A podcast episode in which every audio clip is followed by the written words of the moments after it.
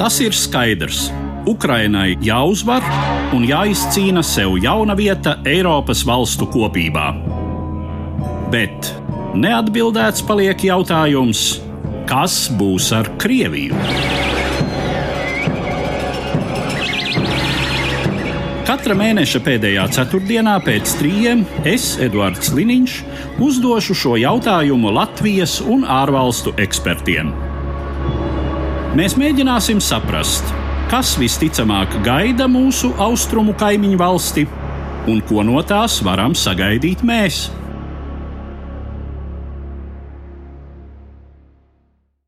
Labdien, cienījamie klausītāji!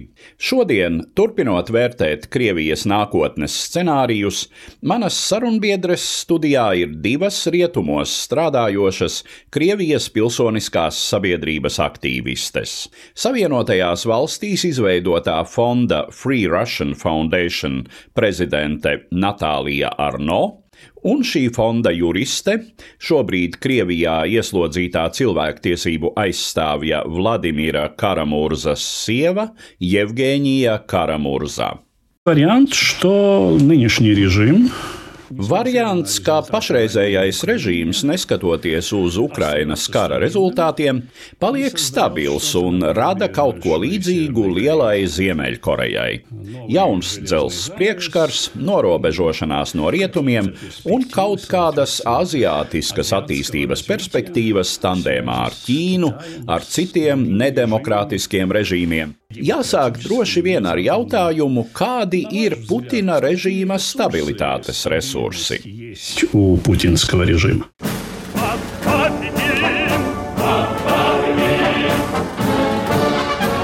Pirmais scenārijs - pa ordas traktu. Во-первых, спасибо большое за приглашение принять участие в передаче. Это для нас большая честь быть здесь сегодня с Натальей Арно. Pirmkārt, liels paldies par uzaicinājumu piedalīties programmā. Mums ar Natāliju Arno ir liels gods šodien būt šeit. Putina režīma stabilitātes resursi lielā mērā ir atkarīgi no tā, kāda būs politika pret šo režīmu tuvākajā laikā. Jo tas, ko mēs šodien redzam, ir absolūti zvērīgs, agresīvs karš, kas tiek izvērsts Ukraiņas teritorijā un ko pavada Ukraiņu tautas genocīds. Tas nav radies no nekā. Tas ir rezultāts 23 gadus ilgajai Putina režīma nesodāmībai. Šo 23 gadu laikā Vladimira Putina režīms, viņa izveidotā varas vertikāla, ir pastrādājis milzīgu skaitu noziegumu gan pret Krievu tautu, gan pret mūsu tuvākiem kaimiņiem. Un katru reizi, kad Vladimirs Putins izdarīja kārtējo noziegumu, piemēram, iebruka Gruzijā vai anektēja Ukrainas teritoriju, vai vardarbīgi apspieda miermīlīgus protestus Krievijas iekšienē, viņš gaidīja, kāda būs reakcija. Un reakcija katru reizi bija pilnīgi neadekvāta. Tā bija tik vāja, salīdzinot ar to, ko viņš darīja, ka beigās, protams, viņš noticēja, ka var atļauties pilnīgi jebko. Tāpēc no mana viedokļa ir tikai viena izēja - īstenot spiedienu līdz režīms vājinās, sāk plaisāt, Давить до тех пор, пока режим не ослабнет, не даст трещины. Mans vīrs Vladimirs Karamurza jau daudzus gadus cīnās par pilsoniskās sabiedrības attīstību Krievijas iekšienē un jau 2010. gadā aicināja ieviest sankcijas pret režīmu. Jau toreiz bija skaidrs, ka Krievijā nav neatkarīgas tiesas un mēs nevarēsim saukt pie atbildības cilvēkus, kur ir atbildīgi par Sergeja Magnitska slepkavību.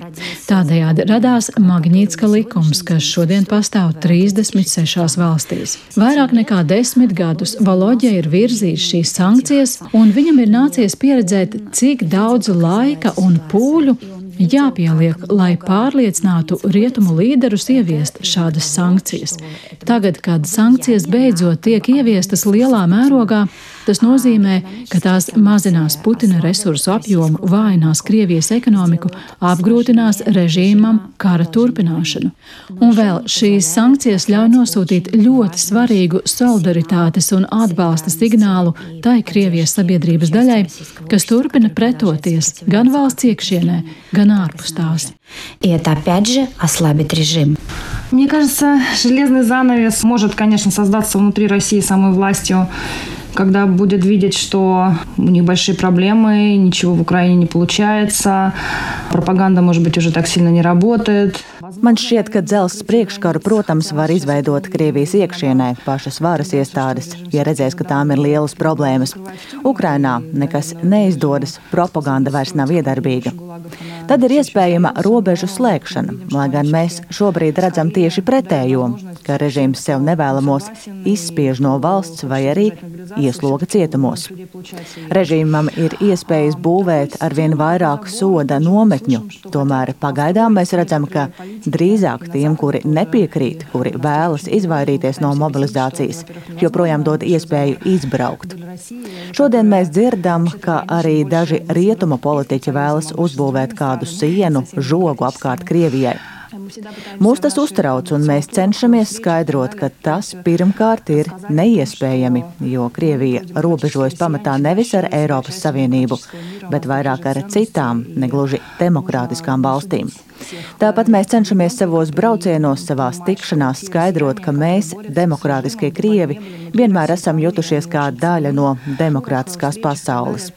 Mums ir tās pašas vērtības, Mēs aicinām nemest visus pār vienu kārti un saprast, ka tie Krievijas cilvēki, kuri cīnās pret režīmu, ir ļoti vērtīgi arī ātrākai uzvarai Ukrainā.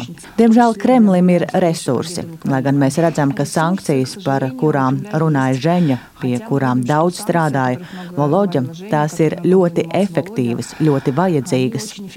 Sankciju režīms ir labs, bet nevajadzētu gaidīt ļoti ātrus rezultātus. Tas viss prasa laiku. Otrakārt, mēs aicinām šo 2023. gadu padarīt par sankciju īstenošanas gadu un sekot kā tās tiek ievērotas. Nedrīkst pieļaut nekādus robus sankciju režīmā, jo Kremlis ļoti ātri pielāgojas. Palasiet jaunāko ziņojumu mūsu fonda vietnē. Mums izdevās iegūt unikālu datubāzi par visiem tirzniecības darījumiem Krievijā ilgākā laika periodā. Un mēs redzam, cik ātri Kremļa speciālisti pārkārtojas un atrod veidus, kā sankcijas apiet. Mēs lūdzam mūsu rietumu partnerus un draugus būt ļoti nopietniem un ļoti konsekventiem. Ir jāuzrauga sekundāro sankciju izpilde, jo daudzas valstis ir ļoti ātri specializējušās sankciju apiešanā, piemēram, mikroshēmu un pusvadītāju nogādāšanā uz Krieviju. Появляются страны, которые там специализируются на провозе микрочипов, полупроводников и так далее. Плюс еще очень много зависит от того, насколько будет действовать пропаганда. Daudz kas atkarīgs arī no tā, cik efektīvi darbosies propaganda. Tā jau ir sasniegusi tādu līmeni, kad man šķiet jau pārstāja iedarboties uz cilvēkiem. Pagājušā gadā mēs jau vērojām lielu skatītāju aizplūšanu no Kremļa telekanāliem. Tāpēc, domājams, Kremlim bija tik svarīgi ļoti ātri izspiest no valsts visus neatkarīgos žurnālistus, slēgt tos saziņas kanālus, kuri spēja ietekmēt sabiedrisko domu. Cilvēkiem ir pieprasījums pēc patiesības, tas pieaug.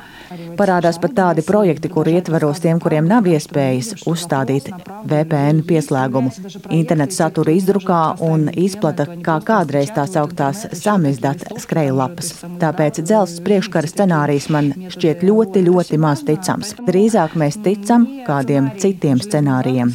Es ceru pozitīvākiem. Скорее мы верим в какие-то другие сценарии, я надеюсь, более позитивные. На ваш взгляд, полное поражение в Украине, то есть... Vai jūsuprāt, pilnīga sakāve Ukrainā, kad Krievija būtu spiesta atkāpties līdz 2014. gada robežām, varētu izrādīties letāla Putina režīmam? который все-таки окажется летальным для путинского режима. Это совершенно точно ослабит putinsko vertikāli. Tās pilnīgi noteikti vājinās Putina vertikāli. Tāpat kā jebkurš cits mazs uzvarošs kariņš pēdiņās, Krievijas vēsturē ir izraisījis zināmas sistēmas izmaiņas. Kā tas notika, piemēram, 80. gadu beigās pēc ilga un tikpat melīga kara Afganistānā. Un man liekas, ka pat tajā mazākajā iedzīvotāja daļā, kas atbalsta režīmu un prasa vēl pastiprināt agresiju pret Ukrainu, arī atbalsts Putinam pamazām kritīs. Jo lielāku pazemojumu cietīs Krievijas valsts, zaudējot karu, jo lielāku kaitējumu tā nodarīs valsts stabilitātei. Чем больше унижения получит российское государство, проиграв войну, тем больший урон это нанесет стабильности государства. Насколько важен Cik svarīgs ir Putins kā personība šī režīma stabilitātei? Ну, недаром это называется путинская вертикаль власти. Nevelti to sauc par Putina varas vertikāli. Viņš šo vertikāli uzcēla un viņš atrodas tās pašā augšā. Ap viņu ir tā sauktā elite. Pēc tam viņa politika visā šai periodā tika veidota tā, ka šīs elites aprindas tika savā starpā konfrontētas. Tur nav tāda cilvēka, kurš varētu nomainīt Vladimiru Putinu un kuru atbalstītu visas šīs aprindas. Tā ka šis režīms ir ļoti personalizēts, ļoti koncentrēts tieši ap Vladimiru Putinu. Путина. Вот эти все как раз круги, им не дается вся полнота власти. То есть, если у кого Nevienam no visiem tiem varas lokiem nekad netika dota pilna vara. Ja kādam bija politiskā kontrole, viņam nebija bruņotās varas vai finansiālās. Viss ir tā sabalansēts, ka, piemēram, prezidenta administrācijai ir politiskā vara, bet aiz tās muguras nestāv nekādas spēka struktūras. Viņiem nav savu finanšu resursu.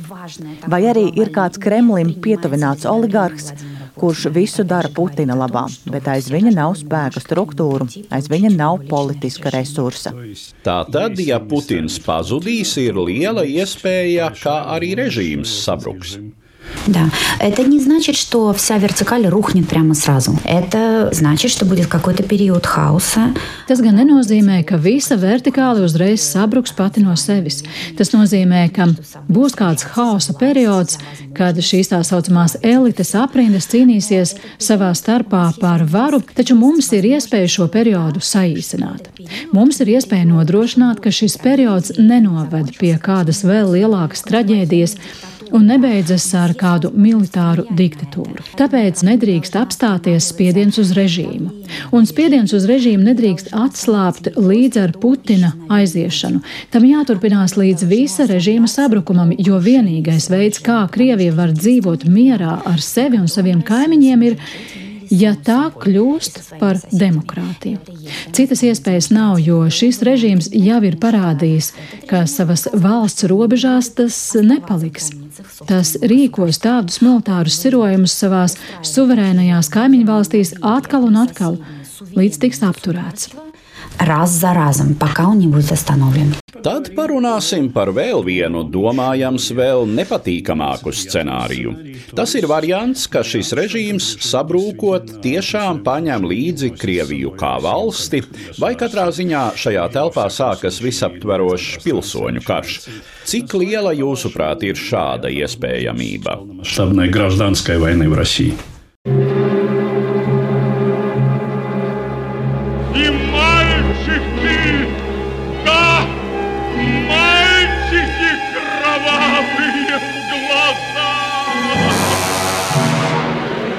Otrais scenārijs - juku laiki.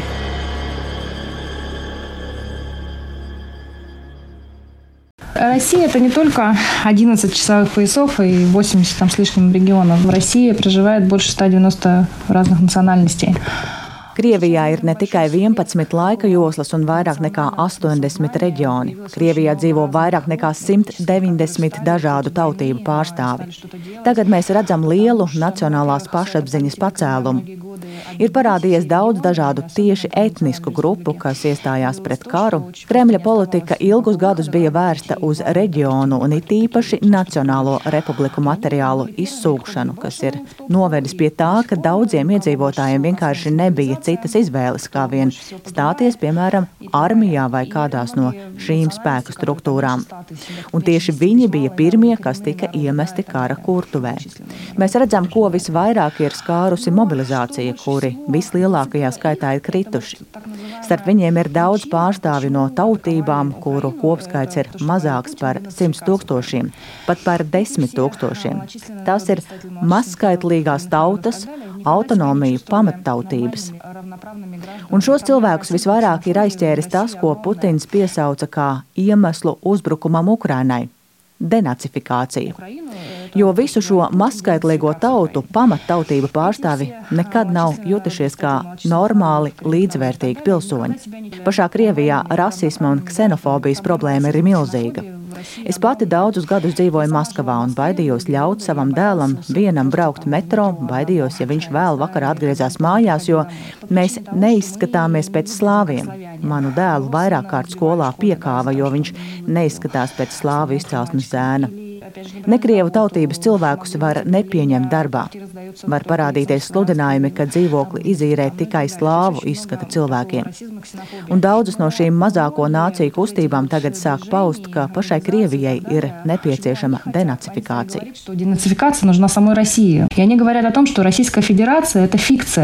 Vēl viņi saka, ka Krievijas federācija tā ir fikcija. Ir unitāra, vertikāli organizēta valsts. Bet mēs gribam justies tieši kā federācijā. Tomēr kaut arī Krievijā ir daudz reģionu un daudz nacionalitāšu. 81% iedzīvotāju ir krievi. Ir, protams, iespējams, ka daži reģioni, dažas republikas var pieprasīt pilnīgu atdalīšanos, bet tas ir ļoti maz ticams. Tām 15 republikām, kuras savulaik veidoja Padomju Savienību, tomēr bija savs valstiskums. Nerunājot par Baltijas valstīm, kas bija okupētas, bet arī citām bija sava valstiskuma vēsture. Daudzi Krievijas reģioni ir ļoti spiedīgos ekonomiskajos apstākļos. Piemēram, uz Kalmikiju tiek piegādāts pat dzeramais ūdens. Kā tas notiks, ja Kalmikija mēģinās atdalīties? Vai, piemēram, mana dzimtā Burjetijas republika, kas Staļina laikā tika mākslīgi sadalīta starp pieciem reģioniem? Tagad nekur savās vēsturiskajās teritorijās burjeti nav vairākumā. Pat Burjetijas republikā viņu ir mazāk par 30%. Kā tur tas viss varētu notikt? Turklāt, ja sāksies kaut kāds sabrukums, no tā ļoti iegūs visi imperialistiskie spēki. Šobrīd Kremlim nav nekādas nacionālās idejas. Vieno tikai vara, nauda, kaut kas tāds cīnisks. Bet ļoti spēcīgi iedarbosies tas, ka ir jāsatur kopā Krievu zemes. Tā var kļūt par plaši atbalstītu tēmu uz daudziem gadiem. Šobrīd nekāda fundamentāla pieprasījuma pēc sadalīšanās nav, un no otras puses, ja par to sāk runāt, tad ļoti daudzos tas rada bailes, un viņi saka, tad jau mēs labāk par Putinu, lai tikai valsts nesabrūk. Tā ka šobrīd šīs tēmas cilāšana tikai stiprina režīmu un paildzina tā mūžu. Ir jāpanāk, lai Krievija pameta visas okupētās Ukrainas teritorijas, bet savās starptautiski atzītajās robežās, lai demokratizējas.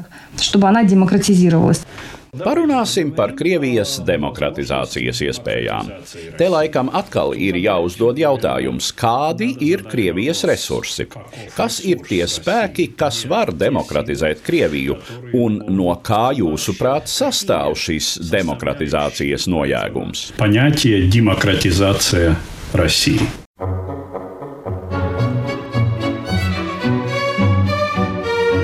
Trešais scenārijs - Oda priekam par Gulbju ezeru. Ну, Наташа уже назвала один важный момент. Мы говорим о федерализации. Действительно. Natāša jau minēja vienu svarīgu punktu. Mēs runājam par federalizāciju. Patiešām Krievijas federācija nekad nav bijusi īsta federācija. Un ja šobrīd patiešām tāda skaidra prasījuma pēc atdalīšanās nav, tad, protams, šiem reģioniem ir tiesības, būs tiesības pašiem izlemt, vai viņi vēlas palikt Krievijas sastāvā vai nē. Un to cilvēku uzdevums, kuri īsteno šo politiku, demokratizāciju, Patiesībā jau tā nebūs vienkārši demokratizācija, bet gan valsts uzbūvēšana no jauna, no nulles, no drupām. Šo cilvēku uzdevums būs radīt šiem reģioniem tādus apstākļus, lai tiem būtu izdevīgi palikt Krievijas sastāvā. Un tas, protams, nozīmēs, ka reģioni saņems savu varu, savas pilnvaras, sadala savu budžetu, rīkos savas parlamenta vēlēšanas, ievēl savu gubernatoru nevis viņu atsūta no Maskavas un tā tālāk. Второй очень важный момент. Россия не может быть президентской республикой. Otrs ļoti svarīgs punkts - Krievija nedrīkst būt prezidentāla republika. Šīs milzīgās valsts priekšgalā nedrīkst būt viens cilvēks. Labs, slikts, tas nav svarīgi. Krievijai ir jākļūst par parlamentāru republiku, kur parlaments būs reāla vieta diskusijām un kur būs stabila kontroles un līdzsvaru sistēma. Tas nozīmē, ka dažādie varas atzari iegūs reālu neatkarību, un mums būs patiesi neatkarīga tiesa patiesi neatkarīgs parlaments un vārda brīvība, un beidzot varēs atslēgt propagandu. Ресурс, конечно, есть. Politiskais resurss. Tāds, protams, ir. Mēs esam pilnīgi pārliecinātas, ka miljoniem Krievijas pilsoņu nepiekrīt Vladimira Putina īstenotajai politikai. Jā, viņi tagad klusē un masveidā uz mītiņiem neiet. Bet, ja atceras padomu laikus, tad arī padomu laikos mītiņu nebija. Tie parādījās glasnošs un perestroikas laikā, kad cilvēki saprata, ka izējot ielās simtos tūkstošu, viņiem tiešām ir iespēja kaut ko mainīt. Tagad režīms tikai pievelk skrūves gan represiju, gan savas nesodāmības līmenī. Tā ka, protams, bailes sabiedrībā ir ļoti lielas. Bet tas nenozīmē, ka šo cilvēku nav.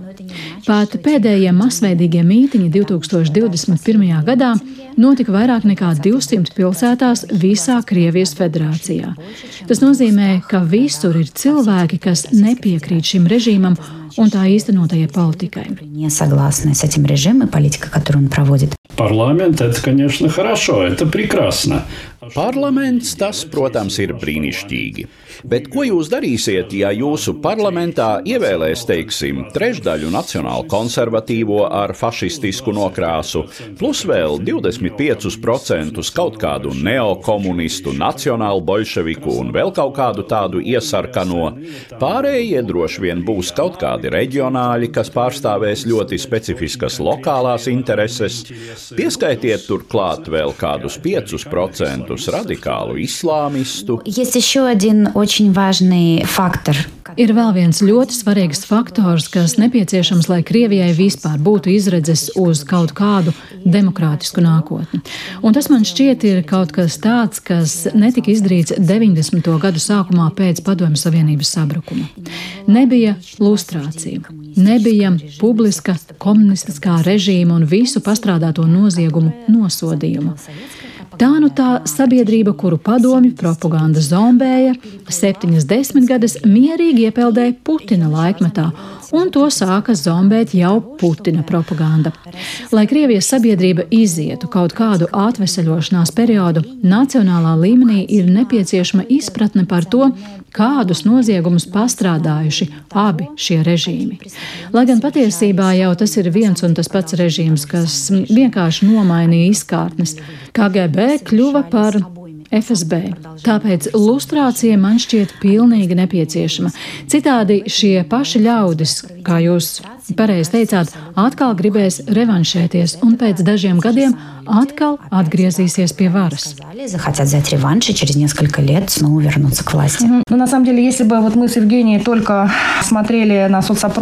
Patiesībā, ja mēs ar Jevgeņiju tikai skatītos kādus sabiedriskās domas aptauju datus un dažādu izcilu pētnieku analīzes, tad varbūt mēs būtu ļoti skeptiskas un depresīvas Krievijas nākotnes sakarā. Bet tā kā mēs pastāvīgi satiekam cilvēkus, gan tos, kas kaut ko dara Krievijas iekšēnē, gan tos, kas kaut ko dara ārpusē, mums ir diezgan liels optimisms un izpratne, ka ar šo tautu viss ir kārtībā. Viņiem nav kaut kāds defektīvs DNS un ir ļoti liels pieprasījums pēc demokrātijas. Mēs redzam, cik daudz cilvēku vienalga protestē, neskatoties uz vienkārši briesmīgajiem represīviem likumiem. Pēc pilna mēroga iebrukuma sākuma ir bijušas tikai 18 dienas, kad neviens Krievijas iedzīvotājs nav ticis ieslodzīts par protestēšanu. Tur visos reģionos kaut kas notiek. Cilvēki pārgriež televīzijas kabeļus, izdala skrejlapus un dara daudz ko citu. Tas, kas mani ļoti satrauca, bija izglītības reforma, arvien vairāk tā sauktās patriotiskās audzināšanas stundu. Bet neskatoties uz to, mēs redzam, ka Krievija sašķeļas visvairāk pat ne pa reģioniem, ne pēc vecuma atšķirības, bet gan pēc tā, no kurienes cilvēki iegūst informāciju - no televīzijas vai no interneta, sociālajiem medijiem un tā tālāk. Runājot par jauniešiem, viņi patiešām ir gudri un domājoši. Tādu ir daudz. Daudzi saprot, ka nevajag doties karā, ka labāk, piemēram, ātri aizbēgt. Un nevajadzētu nenovērtēt diasporu, tos cilvēkus, kuriem nācās aizbraukt it īpaši pēdējā laikā. Praktiski visa neatkarīgā žurnālistika, daudzi no pilsoniskās sabiedrības ir izklīduši pa visu pasauli. Ja mēs atceramies bijušā padomju bloka valstu vēsturi, tad ir lieliski piemēri - Baltijas valstis, Ukraina, Gruzija, Polija, Čehija, kad diasporas pārstāvji ir atgriezušies kā prezidenti, parlamentārieši, reformatori un tā tālāk. Šobrīd mums nākas atrasties šeit, bet mēs varam paņemt visu šo vērtīgo pieredzi, tā izskaitā sabiedrības pārveidē. Подытоживая наш разговор, я все-таки просил бы вас Rezumējot mūsu sarunu, ja es jūs lūgtu aplēst, teiksim, procentuāli šo trīs scenāriju realizācijas varbūtību vai arī kādu to secību laikā.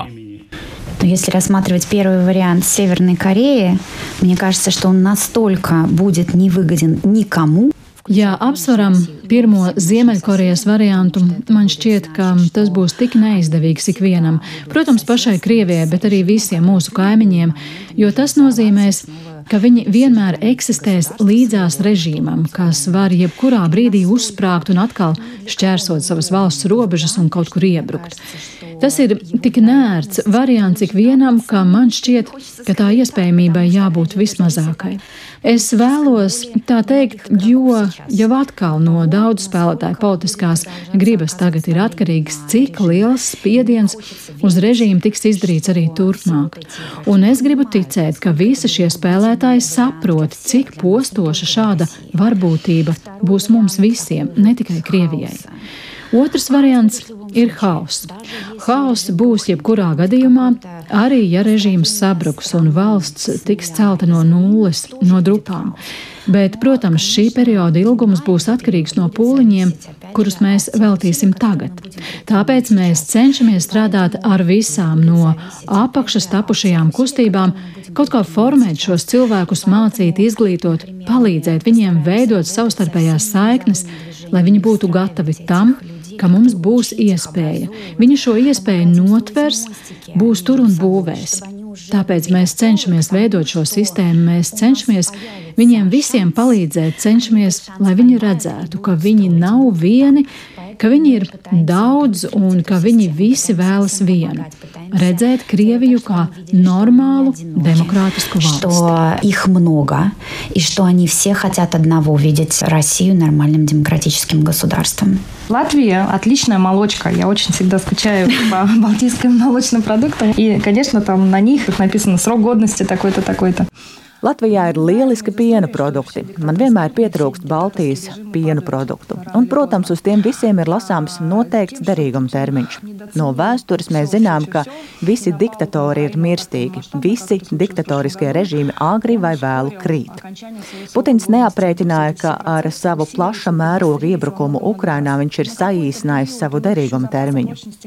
Visi procesi ir daudzkārt pastiprinājušies un sāsinājušies. Kādam laikam viņam vēl noturības rezerve ir, var kaut kā apiet sankcijas, var pārvirzīt eksporta plūsmas, kaut kā tikt pie naudas. Teiksim, ja runājam par šo gadu, tad droši vien iespēja varētu būt 50 pret 50. Bet pēc tam tā ruks arvien mazāk un mazāk. Es īsti neticu Krievijas sabrukuma scenārijam un neticu arī, ka šis režīms var pastāvēt visu manu dzīvi. Es saprotu daudzu to starp mūsu rietumu partneru skepsi, bet mēs, demokrātiskie Krievijas pilsoņi, mēs nedrīkstam neticēt, mums jābūt optimistiem. Mums ir jāredz trajektorija virzībai uz demokratizāciju, jātiecas uz turieni, jāizstrādā ceļvedis šīm reālajām pārmaiņām un vienkārši jādara. Mums vienkārši nav citas izvēles. Pat ja visi apkārtējie mums netic, mums jāpierāda, ka nē, tā noteikti būs. Es ticu, ka ar Krieviju viss būs labi.